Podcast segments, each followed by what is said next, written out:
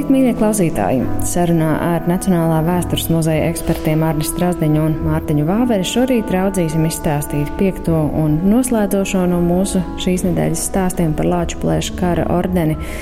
Un šis, diemžēl, nebūs stāsts ar laimīgām beigām, jo Jāņa Osvalda Zēberga stāsts ir viens no skaudrākajiem un, diemžēl, ne unikāls. Ko viņa stāsts vēsta par kara traumām? Droši vien jāsāk ar to, ka mm, Jānis Osvalds Zēbergs saņēma savu ordeni par strēlnieku gaitām par 1917. gada vairākām kaujām. Un, uh, Pēc tam, kad viņš bija karojis strēlnieku gaitās, viņš iestājās arī Latvijas armijā. Pēc tam, kad viņu atvaļināja no Latvijas armijas, parādījās eh, vai bija ļoti skaidri redzami tie kara traģisko notikumu eh, radītie rezultāti. Viņš bija pārcietis nervu sabrukumu, viņam bija vairākas atkarības gan no narkotikām vielām, gan no alkohola. Un eh, šis cilvēks bija gan fiziski, gan arī morāli un psiholoģiski ārkārtīgi cietis. Faktiski viņš sirga, ja mēs izmantojam mūsdienu terminoloģiju, ar posttraumatiskā stresa sindromu.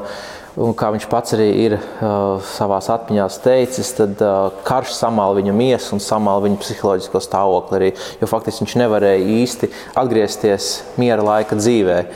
Kā Arnēs arī minēja, viņam bija dažādi veidi atkarības, viņam bija problēmas ar uzvedību, viņš bieži konfliktēja ar likumu. Viņš pat ir bijis tiesāts par vienu sava, kā raksta biedra, slepkavību, kur viņš paveic 19. gada nogalē.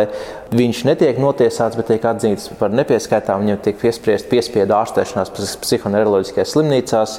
Un mēs zinām arī to, ka uh, viņš nebija no tiem vieglākajiem un pateicīgākajiem pacientiem, uh, jo viņam vienmēr bija atrasti dažādi iemesli, kā no šīm slimnīcām gan aizbēgt, gan atrast iemesli, kā pretoties iekšējai kārtībai. Īpaši gadījumos, ja kādā no šīm slimnīcām medicīniskajā personālā bija kāds vācietis, un viņš arī bija visu savu mūžu, arī pēc kara uzskatījis, ka vācieši ir viņa lielākie ienaidnieki. Un tomēr viņam piešķir augstāko valsts militāro apbalvojumu par spīti tam, ka viņš jau uzreiz pēc kara nu, pastrādā arī diezgan daudz bēdīgu lietu. Viņš bija titulēts un apbalvots virsnieks jau arī Krievijas impērijas armijā. Viņam bija vairāki gan svētā jūra ordeņi, gan arī svētā jūra medaļa un svētā sānas un citi apbalvojumi par ļoti veiksmīgu, par ļoti drošsirdīgu militāro darbību. Un tādēļ arī Lāčplēša kara ordenis kaut kādā ziņā ir turpinājums šiem veiksmīgajai darbībai militārajā jomā.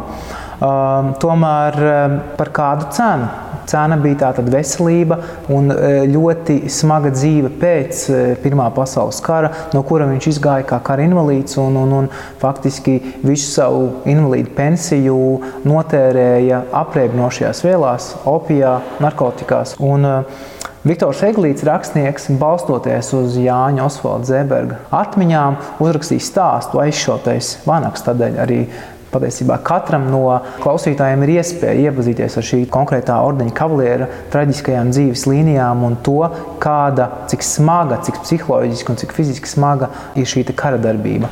Viņam šo ordeni pat gribēja atņemt. Viņam uh, Lāčplēša kara ordena doma, redzot to, ka 30. gadu sākumā viņš bieži vien staigāja apkārt pa Rīgas ielām, aprēķinājies un Latvijas armijas formas starpā un ar piesprāstu ordeni arī atņēma uz kādu laiku tradicionāli ordeņus atņēma ar domu, lai neatrēpītu šī ordeņa slavu, ka kavalieris varbūt ar kaut kādu nepiedienīgu vai ar tādu nu, neētisku rīcību varbūt tās eh, mazina vai diskreditē ordeni. Tādēļ arī Zēberga gadījums ir līdzīgs, kad ordeņa doma izšķirās par ordeņa atņemšanu, taču Zēbergs drīz vien arī mirst pēc ordeņa atņemšanas. Un tikai viņa māte, rakstot jau uz ordeņa domu, lūdz viņai izsniegt eh, dēla ordeni, lai viņi var saglabāt to nākamībai, lai viņi var saglabāt par piemiņu par to, kas dēls bija un to, ko viņš darīja. Cik vispār izplatīta bija šāda apreibinoša vielu lietošana karavīru vidū un arī viņu psiholoģiskas traumas pēc kara, vai viņi kādu palīdzību saņēma? Nu, izplatība bija ievērojama. Protams, jāsaka, ka ir jāņem Eiropas piemēri, jo, protams, Latvija nav unikāla.